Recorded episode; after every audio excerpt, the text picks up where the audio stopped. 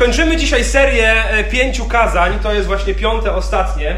Serię, którą rozpoczęliśmy na początku grudnia, to była taka, taka seria adwentowa, którą nazwaliśmy Jezus z sednem historii świata. Zrobiliśmy przerwę w naszej serii z pierwszego listu do Tymoteusza, gdzie idziemy werset po wersecie właśnie na czas świąt Bożego Narodzenia, aby dostrzec, jak cała Biblia mówi o Jezusie. Zaczęliśmy od Księgi Rodzaju, trzeciego rozdziału, e, gdzie czytaliśmy o tym, że będzie potomek Ewy, który zmiażdży głowę węża. I Jezus rzeczywiście zmiażdżył głowę węża, szatana, na krzyżu. I zmiażdży go ostatecznie, kiedy przyjdzie ten dzień pański. Potem e, słuchaliśmy kazania z drugiej księgi e, Samuela, siódmego rozdziału, gdzie Bóg obiecał Dawidowi potomka, który będzie na wieki zasiadał na jego tronie i zbuduje mu świątynię. I była to zapowiedź nie Salomona, ale Chrystusa, który rzeczywiście stał się doskonałym arcykapłanem e, i, i stał się naszą świątynią, ofiarą i kapłanem, gdzie, przez którego przychodzimy do Boga. E, później e, omawialiśmy 40 rozdział księgi Izajasza. Więc mieliśmy czasy patriarchów, samych początków, potem czasy królów, a potem czasy prorockie. I widzieliśmy, jak e, Bóg przez Izajasza w sposób doskonały zapowiada nadejście Chrystusa i Jana Chrzciciela, głos wołającego na pustyni. I to, że nadejdzie Bóg z mocnym ramieniem i jednocześnie troskliwym ramieniem, który będzie pasł swój lud. Tydzień temu omawialiśmy Filipian, list do Filipian, drugi rozdział e, i badaliśmy, zastanawialiśmy się nad naturą Chrystusa, który chociaż był w postaci Bożej, nie opierał się zakładnie przy tym, aby być równym Bogu, lecz wyparł się samego siebie, przyjął postać sługi i stał się podobny ludziom. I rozmawialiśmy o tym, co tak naprawdę świętujemy w czasie Bożego Narodzenia.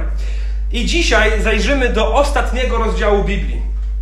Ostatni rozdział Biblii, objawienie Jana, rozdział 22. Pewnie każdy z Was w ciągu roku czyta kilka książek. Znaczy mam taką nadzieję, że przynajmniej kilka książek każdy z Was w ciągu roku czyta. I z książkami jest tak, że czytamy je zazwyczaj od deski do deski. Chyba, że jest to jakaś encyklopedia czy jakiś podręcznik, to może przeskakujemy, ale jeśli jest to dobra historia, wciągająca historia, czytamy od początku do końca, dlatego że na końcu zazwyczaj jest najciekawsze jest rozwiązanie całej akcji, jest, jest y, odpowiedź na różne zagadki, które gdzieś tam wcześniej się pojawiały, postawienie kropek zamiast znaków zapytania. I jednocześnie mam wrażenie, że my nie mamy tego podejścia w stosunku do czytania Biblii. Nie wiem, czy się ze mną w tym zgodzicie, że często jak czytamy Biblię, raczej mamy takie swoje ulubione fragmenty, które ktoś tam dla nas znaczą i do tych fragmentów chętnie wracamy, ale Księga Objawienia, dajcie spokój, kto to by to czytał, takie trudne do zrozumienia. I jakoś łatwo nam to przeskakiwać. Ewangelie Mateusza, Marka, Jana, Łukasza chętnie, dzieje apostolskie też, listy też, ale tamte rodowody ze Starego Testamentu, nie, no to przecież jakoś mnie to nie buduje. Więc chcę Was y, zachęcić do tego. Mam od kilku lat taki zwyczaj, y, że rzeczywiście czytam całą Biblię od początku do końca. 1 stycznia zaczynam, pod koniec grudnia kończę. Jest to w moim życiu ogromne błogosławieństwo duchowe. Nigdy to, mi, to się nie nudzi. Cały czas się pojawiają nowe rzeczy, które już czytałem wcześniej, ale jakoś, jakoś ich nie załapałem. Yy, I uważam, że Księga Objawienia jest jedną właśnie z najciekawszych, ta, która jest na końcu. Bo tam jest naprawdę wiele odpowiedzi na pytania, które pojawiały się wcześniej. I z jednej strony rozumiem, że, że tą księgę jakoś łatwo jest omijać. Jest tam wiele zagadkowych rzeczy, trudnych. Yy, mamy przynajmniej kilka solidnych yy, poglądów mówiących o tym, jak tę księgę interpretować. I te poglądy się wzajemnie wykluczają, więc często sami nie wiemy, jak do tego dobrze podejść. E, ale myślę, że dzieje się tak, że boimy się tej księgi, dlatego że często skupiamy się na małych detalach, na pojedynczych wersetach, które są trudne, oczywiście, że są trudne.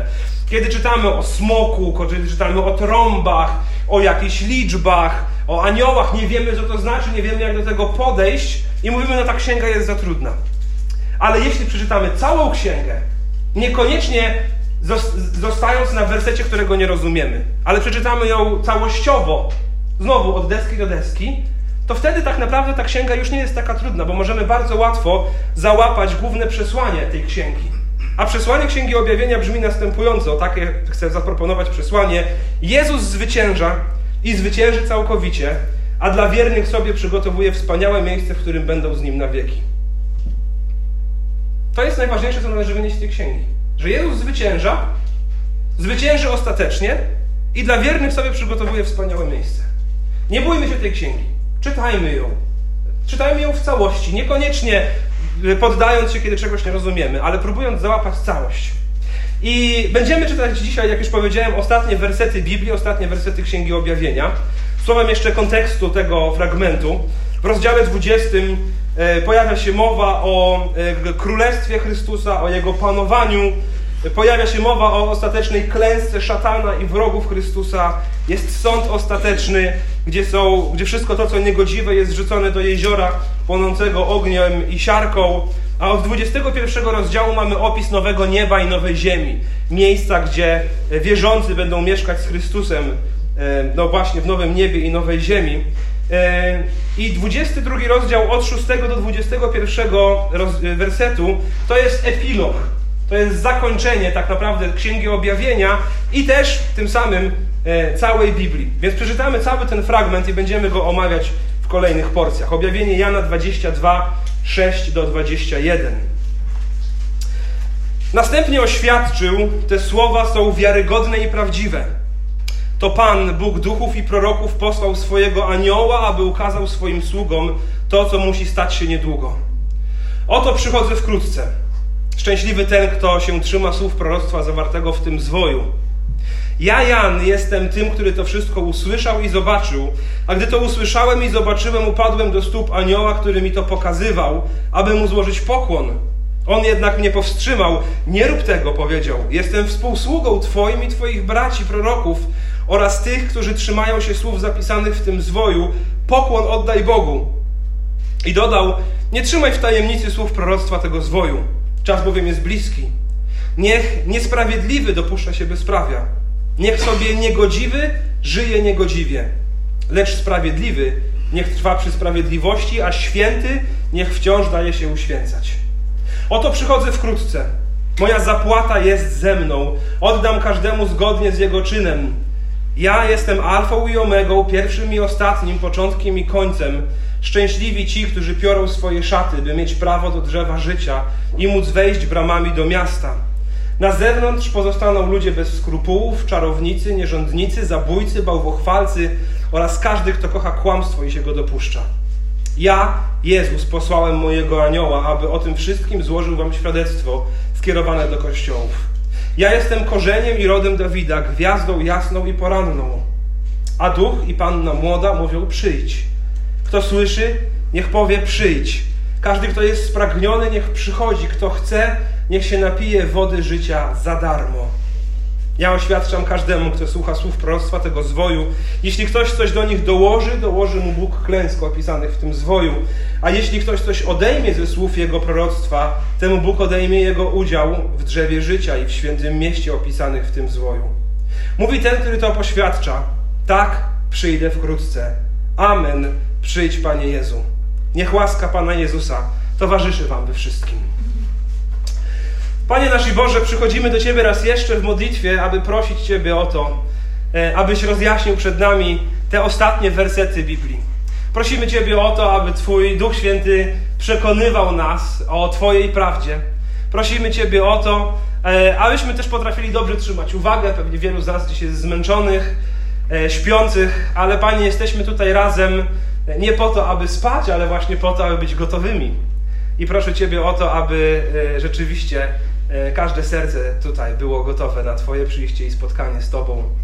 Zachęcaj zasmuconych, pocieszaj tych, którzy tego potrzebują, napominaj tych, którzy tego potrzebują. Niech Twoje słowo, Panie, mieszka w nas obficie. Powierzamy się w Twoje dobre ręce na czas rozważania Twojego słowa. Amen. Więc jeszcze raz wersety szósty i siódmy. Następnie oświadczył, te słowa są wiarygodne i prawdziwe. To Pan, Bóg duchów proroków, posłał swojego anioła, aby ukazał swoim sługom to, co musi stać się już niedługo. Oto przychodzę wkrótce. Szczęśliwy ten, kto się trzyma słów proroctwa zawartego w tym zwoju. Te słowa, czytamy, są wiarygodne i prawdziwe. Te słowa, czyli wszystko to, co było napisane wcześniej. To mowa o nowym niebie, o nowej ziemi, o sądzie ostatecznym, o czasach ostatecznych. Te słowa są wiarygodne i prawdziwe. To wszystko ma się wydarzyć niedługo. I w wersecie siódmym Jezus zapewnia przychodzę wkrótce, niedługo wracam. Więc szczęśliwy albo błogosławiony jest ten, kto się trzyma słów proroctwa zawartego w tym zwoju. My dzisiaj nie mamy zwoju, mamy księgi. Szczęśliwy ten, kto się trzyma tego, co tu jest napisane. Oczywiście te słowa bezpośrednio dotyczą się księgi Apokalipsy, ale myślę, że to nie będzie jakieś bardzo poważne nadużycie, jeśli rozciągniemy je na słowa całej Biblii. Więc pierwsze dwa wersety mówią: Wszystko, co jest w tej księdze, jest prawdziwe i stanie się na pewno. Zapewnia o tym sam Chrystus. Skoro to ma się wydarzyć niedługo, to bądźcie gotowi. Ja wracam wkrótce. Trzymajcie się tego słowa, a będziecie błogosławieni i szczęśliwi. No ale rodzi się pytanie w głowie, jak to jest z tym niedługo? Bo minęło 2000 lat od napisania tych słów. Dosyć długo trwa to niedługo. To kiedy to ma się wydarzyć? I z tą kwestią mierzy się apostoł Piotr w drugim liście Piotra, trzecim rozdziale, wersetach 3 do 9. Zachęcam, otwórzcie tam swoje Biblię. On właśnie mierzy się z tym zarzutem, no gdzieś jest to przyobiecane przyjście Pana. Posłuchajcie, co pisze Piotr. Przede wszystkim wiedzcie, że w dniach ostatecznych pojawią się szydercy zainteresowani zaspokajaniem własnych zachcianek. Będą oni drwić. No i co z obietnicą Jego przyjścia? Jakoś odkąd zasnęli ojcowie, wszystko trwa tak, jak od początku stworzenia. Ludzie ci jednak nie chcą wziąć pod uwagę dawnych dziejów ziemi oraz nieba. Otóż ziemia powstała na słowo Boga z wody i przez wodę. Przez nią ówczesny świat zalany wodą zginął. Za sprawą tego samego słowa teraźniejsze niebo i ziemia zachowane są dla ognia, który pochłonie je w dniu sądu oraz zagłady bezbożnych ludzi. To jedno, kochani, miejcie na uwadze. U Pana jeden dzień jest jak tysiąc lat i tysiąc lat jak jeden dzień. Pan nie zwleka z dotrzymaniem obietnicy, chociaż niektórzy uważają, że zwleka. Tymczasem On po prostu okazuje cierpliwość względem Was. On nie chce, aby ktoś zginął, przeciwnie, chce, aby wszyscy się opamiętali. Więc jak długo trwać będzie niedługo, nie wiemy. Ale to, że trwa długo, jest wynikiem Bożej łaski. Dlatego, że Pan Bóg chce okazać łaskę. Pan Bóg chce, aby kolejni ludzie w Niego uwierzyli, chce otworzyć kolejne serca na przesłanie Ewangelii. Pan Bóg mierzy czas inaczej niż my. Dla Niego tysiąc lat jak jeden dzień, a jeden dzień jak tysiąc lat. I mówi, że wraca niedługo, nie po to, abyśmy wyliczali datę tego, kiedy ma przyjść, ale po to, abyśmy zawsze byli gotowi. Kiedy słyszę różne rewelacje e, na, czasami na chrześcijańskich portalach, już nawet nie mówię o, o ruchach pozachrześcijańskich, jak świadkowie Jehowy, ale po prostu czasami jakoś ludzie wierzący tym się interesują i mówią, a tutaj coś się wydarzyło i to pasuje do tego i do tego, Chrystus niedługo wraca. Daj Boże, żeby niedługo wrócił. Naprawdę bym chciał, żeby dzisiaj wrócił. Może wróci dzisiaj. A może wróci jutro. A może wróci za 100 lat, a może wróci za 1000 lat, a może jeszcze więcej. Nie wiemy. I nie do nas należy obliczanie tego, do nas należy bycie gotowymi na Jego przyjście. Przyjdę wkrótce. To znaczy, bądźcie zawsze gotowi. W związku z tym, kim On jest, w związku z tym, o czym mówiliśmy przez ostatnie cztery tygodnie, w związku z tym, że On zmiażdżył głowę węża, w związku z tym, że On zbudował Bogu świątynię, stał się doskonałym arcykapłanem, w związku z tym, że jest obiecanym Bogiem Królem, pasterzem z mocnym i jednocześnie troskliwym ramieniem, w związku z tym, że przyszedł w pełni jako Bóg i człowiek, a na Jego imię zegnie się każde kolano, w związku z tym, że przychodzi wkrótce, pojawia się pytanie, jak żyć? Jak zatem żyć, Panie Boże, jeśli Ty masz wrócić wkrótce, ale nie wiemy kiedy, ale mamy być zawsze gotowi, to w jaki sposób być zawsze gotowym? I werset siódmy odpowiada na to pytanie i wprowadza nas właśnie do tego epilogu, do zastosowania całej Biblii. W wersecie siódmym czytamy: Oto przychodzę wkrótce, szczęśliwy ten, kto się trzyma słów proroctwa zawartego w tym zwoju. Oto przyjdę wkrótce, więc jak żyć? Szczęśliwy, błogosławiony ten, kto się trzyma słów proroctwa zawartego w tym zwoju. Jak żyć w oczekiwaniu na powrót Chrystusa? Trzymaj się tej księgi. Od tego zaczynamy. Od tego zaczyna e, e, Chrystus, czy anioł przekazując te słowa. Trzymaj się tej księgi, trzymaj się jej całej. Czytaj ją całą, od początku do końca. Przestań czytać tylko ulubione fragmenty. Czytaj całą od początku do końca. Rodowody są tak samo częścią Biblii, jak te słowa, które tutaj czytamy. I nie są ani trochę mniej natchnione. Ja nie twierdzę, że one są bardzo budujące dla nas za każdym razem, kiedy je czytamy. Albo, że jak przychodzi czas na rodowody, to ja wstaję rano i mówię, hurra, siedem rozdziałów rodowodów dzisiaj, ale co mi, Panie Boże, chcesz powiedzieć przez to? Nie mówię, że tak jest. Nie, nie, nie zawsze to jest takie ekscytujące. Ale to jest Boże Słowo. I niesamowite rzeczy często w tych rodowodach można odnaleźć, jeśli jesteśmy uważni. To nie są w Biblii, to nie są tylko czarne litery na białych kartkach. To nie są tylko czarne litery na białych kartkach. To są słowa samego Boga, zainspirowane i natchnione przez Niego. One obdarowują prawdziwym życiem. Bóg przez nie przemawia do ludzkiego serca. Są prawdą, na której można polegać. To nie są czarne litery na białych kartkach. Czytałem jakiś czas temu książkę, e, nazywa się Kochałam swastykę. Nie wiem, czy mieliście do czynienia. To historia e, młodej dziewczyny, która była nazistką. Potem nawróciła się, Pan Bóg zmienił jej serce. I opisuje tam, jak spotkała się z pewnym żołnierzem, który dostał przepustkę z frontu wschodniego e, i oni zaczęli się spotykać. I on opowiadał jej, że kiedy wojska radzieckie ich otoczyły, młodych chłopców w Wehrmachcie, i wiadomo było, że oni zginą, ale dowództwo mogło im jeszcze coś przesłać drogą lotniczą i zrzucić to na spadochronie. Ci żołnierze prosili tylko o jedną rzecz. Przyślijcie nam Pismo Święte.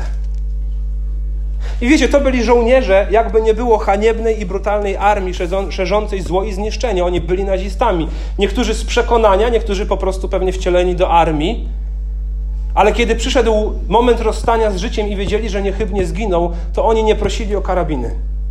Nie prosili w cudzysłowie o miecz. Oni prosili o miecz Bożego Słowa po to, żeby ratować swoje dusze. Doskonali, doskonale to rozumieli, że Biblia to nie są tylko czarne litery na białych kartkach. Kochajmy to Boże Słowo, kiedy mamy dzisiaj do niego dostęp w taki sposób, że nikt go nam nie musi rzucać na spadochronie ale mamy możliwość zdobycia tak wielu tłumaczeń, tak, w tak różnych wydaniach i formach. Drodzy, kochajmy Boże Słowo. Chcesz być gotowy na przyjście Chrystusa? To trzymaj się słów zawartych w tej księdze. Jeśli pragniesz Bożego błogosławieństwa w swoim życiu, oczekując na powrót Chrystusa, jeśli chcesz dobrze ten czas wykorzystać, trzymaj się słów proroctwa zawartego w tym swoju, a w zasadzie w tej księdze. A będziesz gotowy. Idziemy dalej. Od wiersza ósmego. W jaki sposób to przesłanie o zwycięstwie Jezusa, przesłanie o tym, kim On jest i czego dokonał i co przygotowuje dla nas, w jaki sposób to wpływa na Jana? Zobaczcie, jak się Jan zachowuje.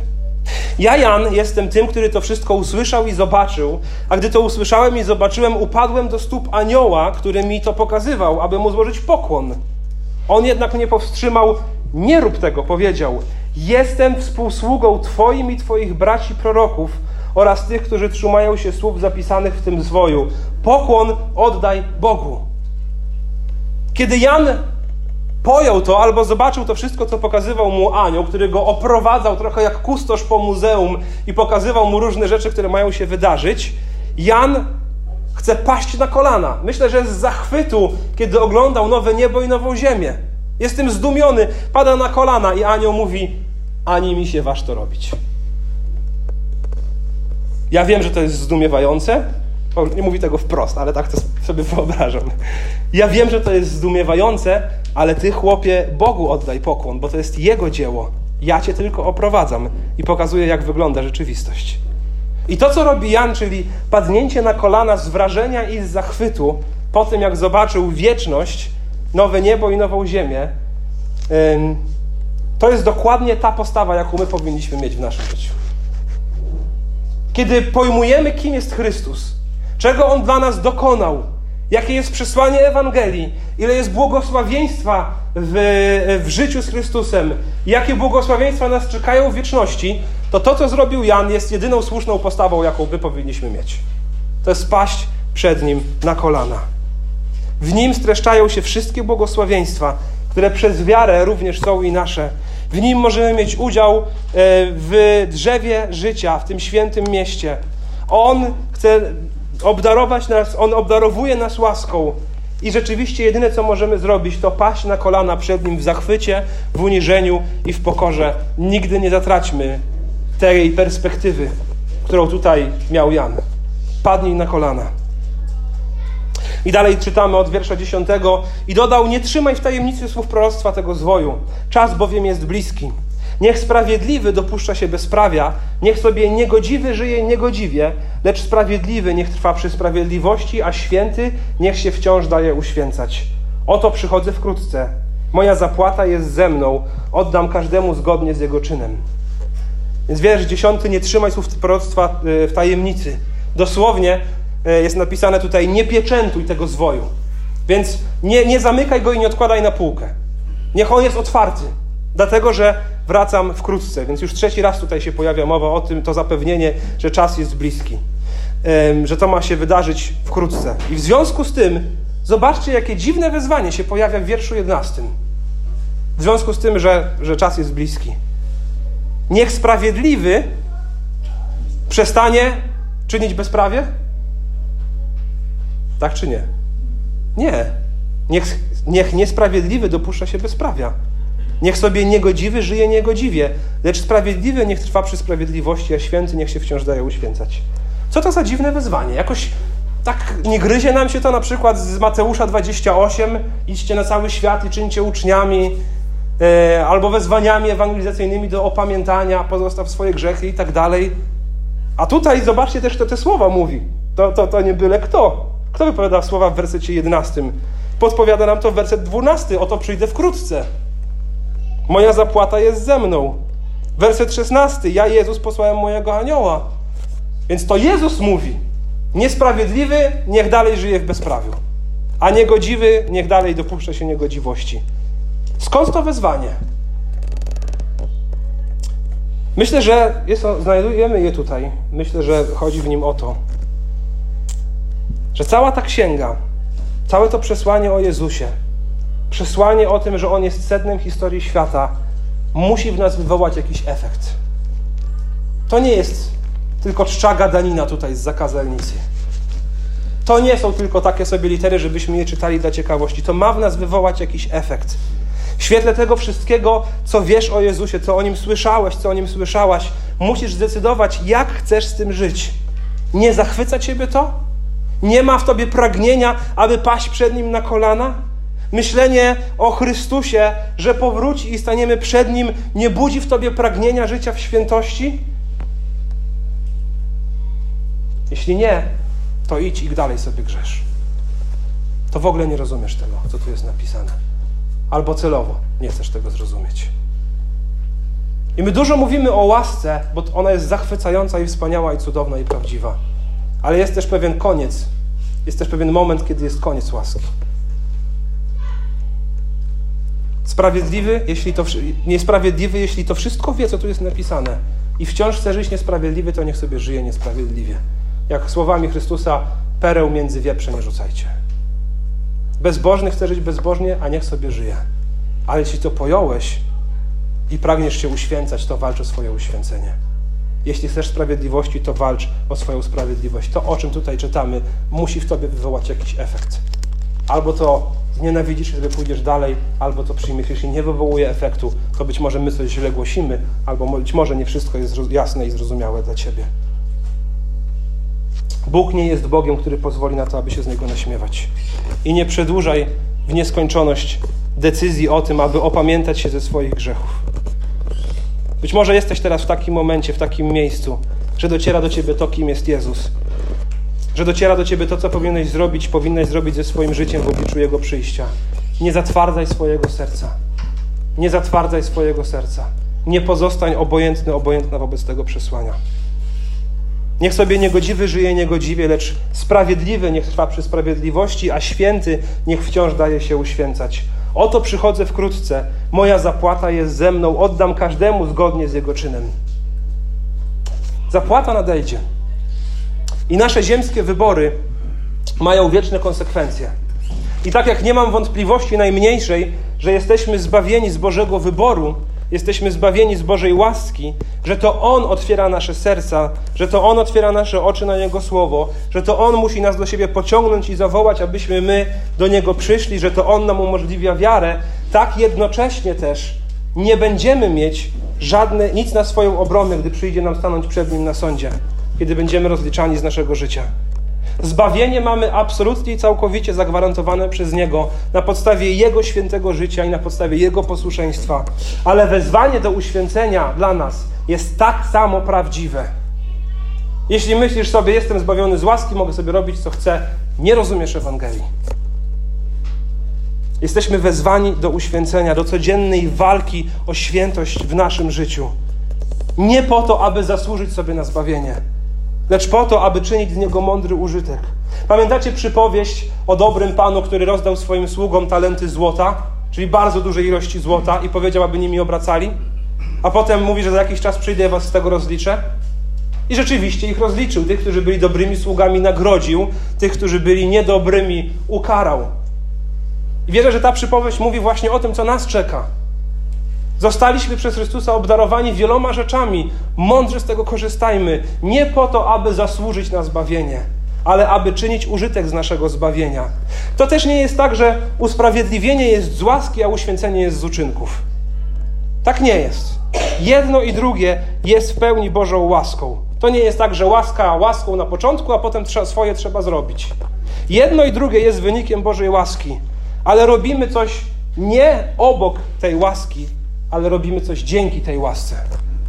Uświęcenie w naszym życiu to nie jest robienie czegoś obok łaski nam okazanej w zbawieniu.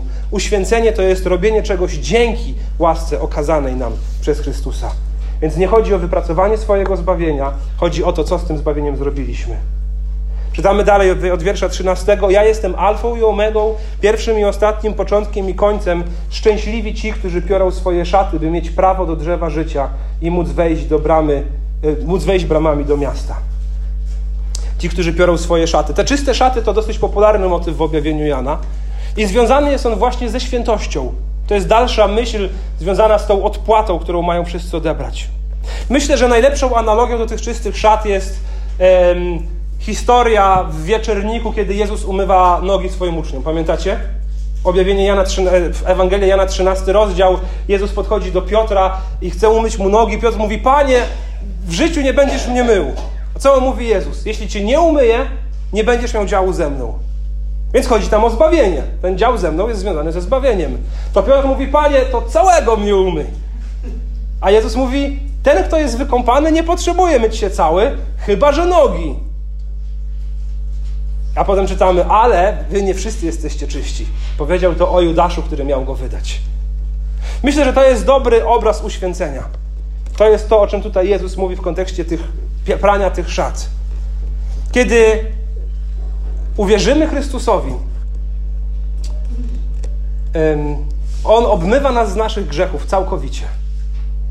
On ściąga z nas brudną szatę grzechu i nakłada nam nową szatę. Ale dopóki my tutaj jeszcze na tym świecie żyjemy, chodzimy sobie po tym świecie, niestety grzeszymy. Brudzimy sobie nogi. Jeśli ktoś jest umyty, nie ma potrzeby go kąpać całego, ale nogi czasami trzeba umyć, ale szatę czasami trzeba wyprać. Jezus tutaj mówi: Błogosławieni ci, szczęśliwi ci, którzy piorą swoje szaty. Po co? Po to, by mieć prawo do drzewa życia i móc wejść bramami do miasta. To jest właśnie to powiązanie między uświęceniem a zbawieniem. To nie znaczy, że on nas zerwie tą nową szatę, ale wzywa nas do tego, byśmy troszczyli się o jej czystość. Słowami listu do Filipian 2, 12, 13 z bojaźnią i zadrżeniem zbawienie swoje sprawujcie. A werset 13 mówi, albowiem Bóg to według upodobania sprawia w was chcenie i wykonanie. Gdyby nie, chcenie, gdyby nie Bóg, nie byłoby w nas chcenia i, e, i, i wykonania. A w związku z tym, że jest, jest to wynik Bożej łaski, to z bojaźnią i z drżeniem sprawujcie swoje zbawienie, troszczcie się o nie. To jest Jego łaska nam okazana i jednocześnie ta łaska wzywa nas do działania. Kto jest usprawiedliwiony, będzie się uświęcał. Traktujmy to bardzo poważnie. Traktujmy to bardzo poważnie. On nas z tego uświęcenia rozliczy. I zmierzamy powoli do końca. E, wiersz 15 i 16. Na zewnątrz pozostaną ludzie bez skrupułów, na zewnątrz, czyli poza tym nowym niebem, nową ziemią czy nową Jerozolimą.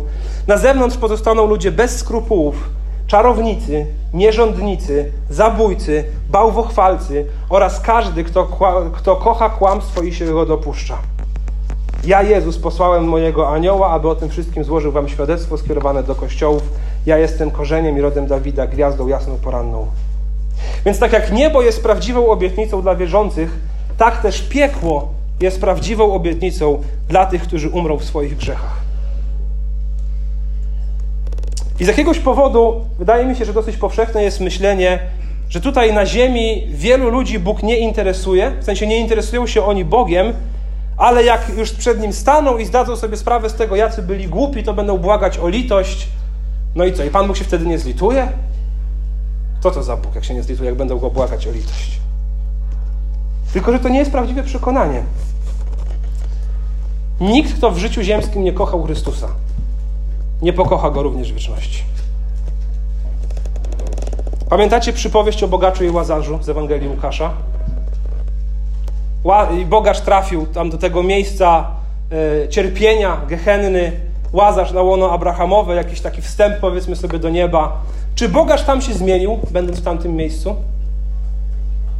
Ani trochę.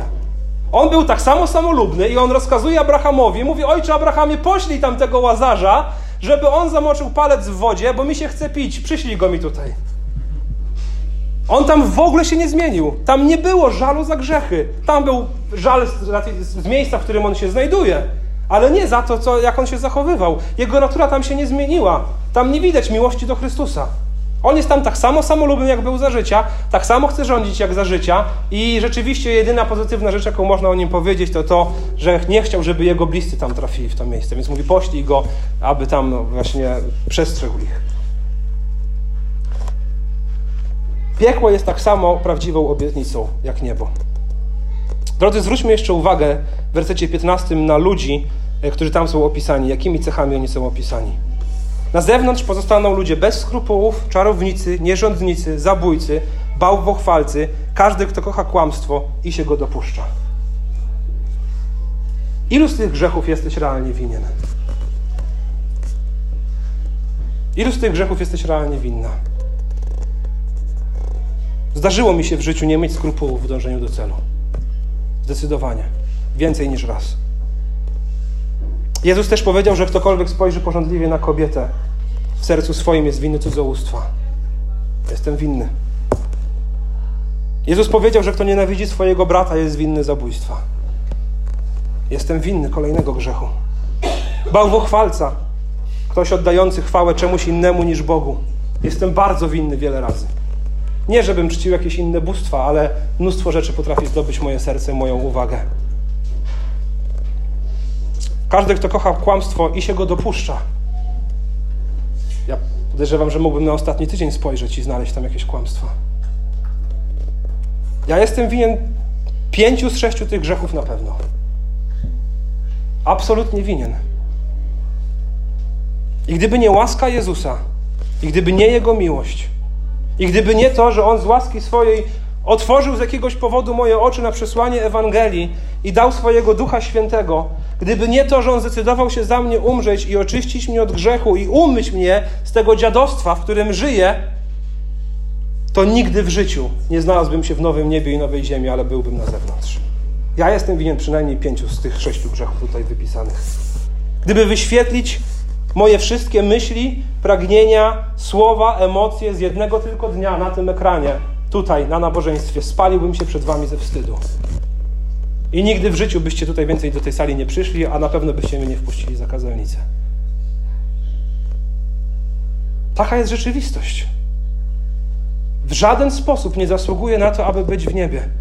Ja jestem z tym, który pięć z sześciu przypadków powinien być poza tymi bramami a jednocześnie jakże łaskawy i dobry i wspaniały jest Pan Bóg, który zdecydował się posłać swojego syna, aby umrzeć za takiego dziada jak ja. Niesamowita jest Boża łaska. Niesamowita jest Boża łaska. Jakże zatem nie pragnąć uświęcenia? Nie po to, aby zasłużyć na zbawienie, ale po to, aby odpowiedzieć naszemu Panu tym, co jest Jemu miłe we wdzięczności za to, co On za nas zrobił.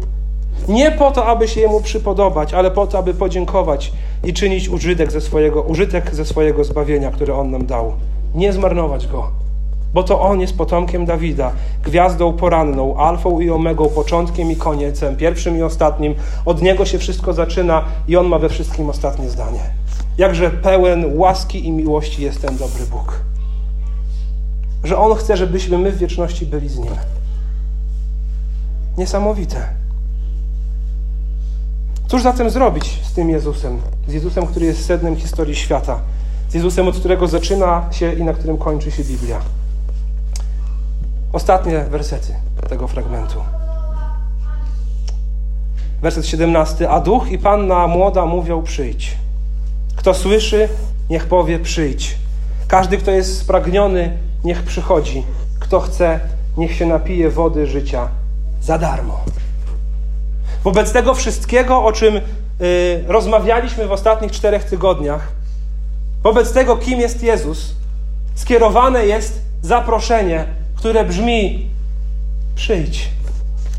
Duch Święty mówi: przyjdź.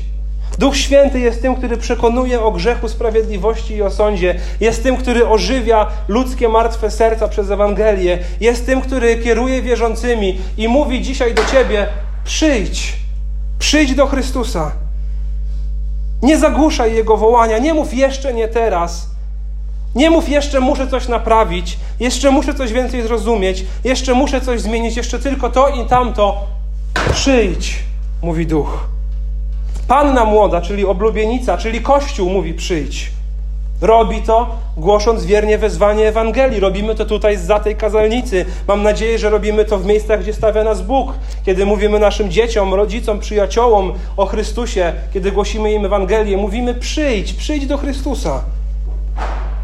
W Izajasza 55 rozdziale znajdują się niesamowite słowa, które są powiązane właśnie z tym tekstem. Przeczytam wersety 1 do 3 i 6 do 7. Posłuchajcie. Hej, wszyscy spragnieni, przyjdźcie po wodę. Wy, którzy nie macie pieniędzy, przyjdźcie, kupujcie i jedzcie. Tak, przyjdźcie, przyjdźcie, kupujcie wino oraz mleko. Pieniędzy nie trzeba, nie musicie płacić. Dlaczego macie wydawać pieniądze na to, co nie jest chlebem, ciężko zapracowany grosz na to, co nie syci? Słuchajcie mnie uważnie, a będziecie jeść to, co dobre i wasza dusza nacieszy się tym, co pożywne. Nakłoncie swoje uszy i przyjdźcie do mnie. Słuchajcie, a wasza dusza ożyje, ponieważ chcę z wami zawrzeć wieczne przymierze, dając dowody łaski potwierdzone Dawidowi. Szukajcie Pana, póki pozwala się znaleźć. Wzywajcie Go, dopóki jest blisko. Niech bezbożny porzuci swą drogę, przestępca swoje zamiary i niech nawróci, do, nawróci się do Pana, aby się nad nim zlitował, do naszego Boga, gdyż jest hojny w przebaczeniu. Przyjdź. Tu nie trzeba żadnej opłaty. Przyjdź i ciesz się Bożą łaską. Jak nie odpowiedzieć na tak wspaniałe Boże wezwanie? Jezus w Ewangelii Jana 7 rozdziale czytamy tam następujące słowa. W ostatnim wielkim dniu święta Jezus stanął i głośno zawołał: Jeśli ktoś pragnie, niech przyjdzie do mnie i pije. Kto wierzy we mnie, jak głosi pismo z jego wnętrza, popłyną rzeki wody żywej. Ach, nam tutaj podgrzewają atmosferę. Każdy, kto jest spragniony, niech przyjdzie i pije za darmo. Jeśli jesteś spragniony prawdziwej miłości, nawet wtedy, kiedy wszyscy dookoła ciebie będą patrzeć spod byka na ciebie. Jeśli pragniesz prawdziwej radości, nawet w najtrudniejszych chwilach, kiedy smutki życia codziennego będą cię dopadać. Jeśli pragniesz prawdziwego życia w wolności, choćby twoje ciało było zakute w kajdany, to możesz to odnaleźć tylko w tym, który ciebie stworzył i ukochał tak bardzo, że oddał swoje życie na krzyżu i dał swojego ducha, aby ten obudził cię z duchowej śmierci. I dał to wszystko za darmo, chociaż cena została uiszczona. Ta cena była bardzo wysoka. Była to śmierć Syna Bożego na krzyżu Golgoty, doświadczenie Bożego gniewu i oddzielenia od Ojca. Cena jest bardzo wysoka, ale dzięki temu, że cena została zapłacona, my możemy przyjść za darmo. I cała księga kończy się następującymi słowy. Ja oświadczam każdemu, kto słucha słów proroctwa tego zwoju. Jeśli ktoś coś do nich dołoży, dołoży mu Bóg klęsk opisanych w tym zwoju. A jeśli ktoś coś odejmie ze słów tego proroctwa, temu Bóg odejmie jego udział w drzewie życia i w świętym mieście opisanych w tym zwoju. Drodzy, raz jeszcze czytajmy całą Biblię. Czytajmy całą księgę. Nie dodawajmy i nic z niej nie odejmujmy. Nie po to Pan Bóg 1500 lat pisał tą księgę przez ręce swoich słuch, abyśmy mieli celność wprowadzać do niej jakieś modyfikacje. Czytajmy całą, nie dodając i nie ujmując, przyjmując ją w całości. Mówi ten, który to poświadcza, tak, przyjdę wkrótce. Jakżeż nie odpowiedzieć, Amen, przyjdź Panie Jezu. I tak też dzisiaj wielu woła, Amen, przyjdź Panie Jezu. On przyjdzie. A dopóki nie przyjdzie, albo nie wezwie nas do siebie i jesteśmy jeszcze tutaj dzisiaj, to drodzy, werset 21, niech łaska Pana Jezusa towarzyszy Wam we wszystkim. Dopóki tu jeszcze jesteśmy, niech łaska Pana Jezusa towarzyszy Wam we wszystkim. I w taki sposób kończy się ta księga. Ta dosyć gruba książka. Takie jest rozwinięcie całej akcji. Zakończeniem tej księgi jest łaska od samego Chrystusa. Niesamowite i przepiękne. Więc myślę, że cały ten fragment, który dzisiaj omawialiśmy, można by zamknąć w następującej sentencji. Czekajcie wiernie na mnie, trwajcie w, w moim wiarygodnym i prawdziwym słowie, oddając pokłon jedynemu Bogu, przychodząc do mnie i zapraszając do tego innych. Wynagrodzę wasz trud i osądzę tych, którzy się do mnie nie przyznali. Wracam za chwilę. Trwajcie w mojej łasce. Podpisano Jezus. Drodzy, przed nami nowy rok. Zaczął się parę godzin temu. Nie mam pojęcia, co on przyniesie. Ostatnich kilka, jak już mówił Bartek na początku, były dla nas bardzo trudne i dziwne. Myślę, że ten rok wcale łatwiejszy nie będzie. Myślę, że nie będzie. Ale dopóki my, jako ludzie wierzący, będziemy przychodzić do naszego Pana, dopóki będziemy razem jako Kościół troszczyć się o siebie nawzajem, dopóki będziemy trwać w Jego słowie i głosić Jego Ewangelię, dopóki będziemy troszczyć się o naszą świętość, dopóki będziemy trwać w Jego łasce, to będziemy mogli z podniesionymi głowami czekać na spotkanie z Nim. Nie mam, co, nie mam pojęcia, co przyniesie ten rok. Ale my trwajmy, oddając pokłon jedynemu Bogu, trwajmy w Jego słowie i troszczmy się o swoją świętość. A będziemy z podniesionymi głowami mogli czekać na Jego powrót. Wierzę też, że ten rok przyniesie nam wiele dobrych rzeczy dla naszej wspólnoty. Wiele wskazuje na to, że w tym roku staniemy się oficjalnie zarejestrowanym zborem. Staniemy się w pełni kościołem. Powołamy nową placówkę, zbór ukraiński. Będziemy mogli zakupić budynek, który będzie naszą własnością, nie tylko wynajmować od kogoś, ale będziemy mieć swoje, swoje rzeczywiście swoje miejsce. Pewnie będziemy mieli chrzest w naszym zborze. Daj Boże, będziemy oglądać nowe nawrócenia. Może trafi się jakiś ślub. Może jakieś dzieci się urodzą w tym roku. Może będzie nam dane odprowadzić kogoś do wieczności. Piękne rzeczy przed nami. Piękne rzeczy przed nami. A wszystko to z Bożej łaski. Niech ona nam rzeczywiście towarzyszy. Kochani, dobrze wykorzystajmy rok 2023 w naszym zborze, w naszych domach, w naszych rodzinach, w naszej pracy, w szkole, gdziekolwiek nas Bóg prowadzi. Niech łaska Pana Jezusa towarzyszy Wam wszystkim. Amen.